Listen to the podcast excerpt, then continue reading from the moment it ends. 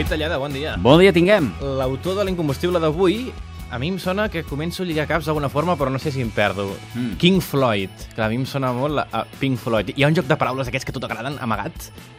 I podria ser, jo crec que Però- eh, hauria pogut ser d'aquesta manera, la millor inspiració pels Pink Floyd, perquè seria molt fàcil, King Floyd, King Pink Floyd. Floyd, però no, els components de la banda britànica van decidir fer-ho una mica més complicat i van decidir batejar-se d'aquesta manera a partir dels noms de dos bluesmen nord-americans, els cantants, compositors i guitarristes Pink Anderson i Floyd Council. És a dir, que així ho vam fer una mica més difícil. Però, Per tant, vaja, res a veure amb el tema d'avui. però- doncs anem però hauria King- sigut maco, El eh? King Floyd, llavors. Sí, eh, d'alguna manera, però, King Floyd va néixer amb la música incorporada a la seva genètica i és que, de fet, no pot ser d'una altra manera, quan la cigonya decideix dipositar el nadó en una ciutat tan especial i tan musical com és Nova Orleans. Possiblement ja per aquest motiu, d'adolescent, King Floyd es dedicava a mostrar les seves habilitats amb les cordes vocals cantant pels carrers i eh, va ser així com el llegendari bluesman de Nova Orleans, Mr. Google Eyes, curiós també aquest cognom, Google Eyes, el va descobrir i li va oferir la seva primera feina remunerada al club Sobar de Bourbon Street, que és el barri més antic d'aquesta ciutat nord-americana, de visita obligada si algun cop hi aneu a fer turisme.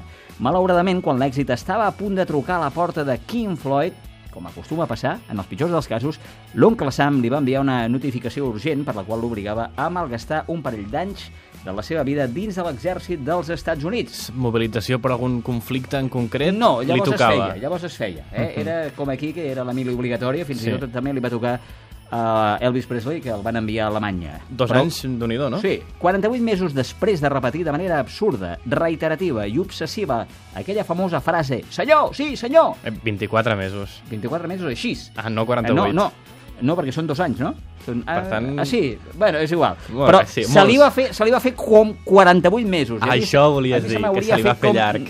Com tota una eternitat. Bé, King Floyd es va traslladar primer a Nova York i posteriorment a Los Angeles intentant recuperar la seva carrera professional com a cantant. Va gravar un disc de debut que va acabar venent-se a les benzineres eh, per falta de promoció i amb la cua entre les cames va tornar a Nova Orleans on va decidir casar-se i per allò d'haver de mantenir una família es va buscar una feina a correus mentre això sí, de nit i d'amagat continuava component cançons i quan pràcticament estava a punt de llançar la tovallola és el que passa, nyac, li surt l'oportunitat de gravar un single amb un parell de temes a la cara A hi havia What Our Love Needs i a la cara B hi havia l'incombustible d'avui, aquest Groove Me.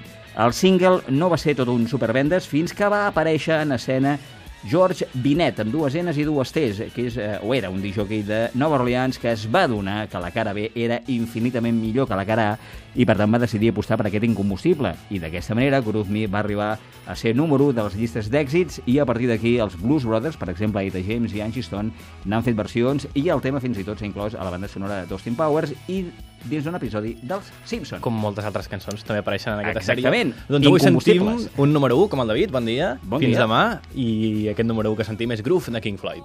Oh, sucky, sucky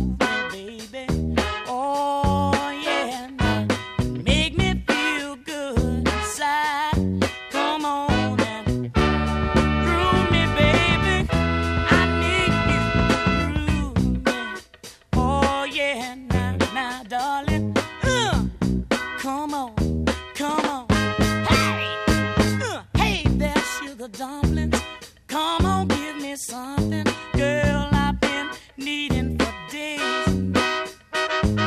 Yes, good, good loving with plenty, plenty hugging. Ooh, you cute little.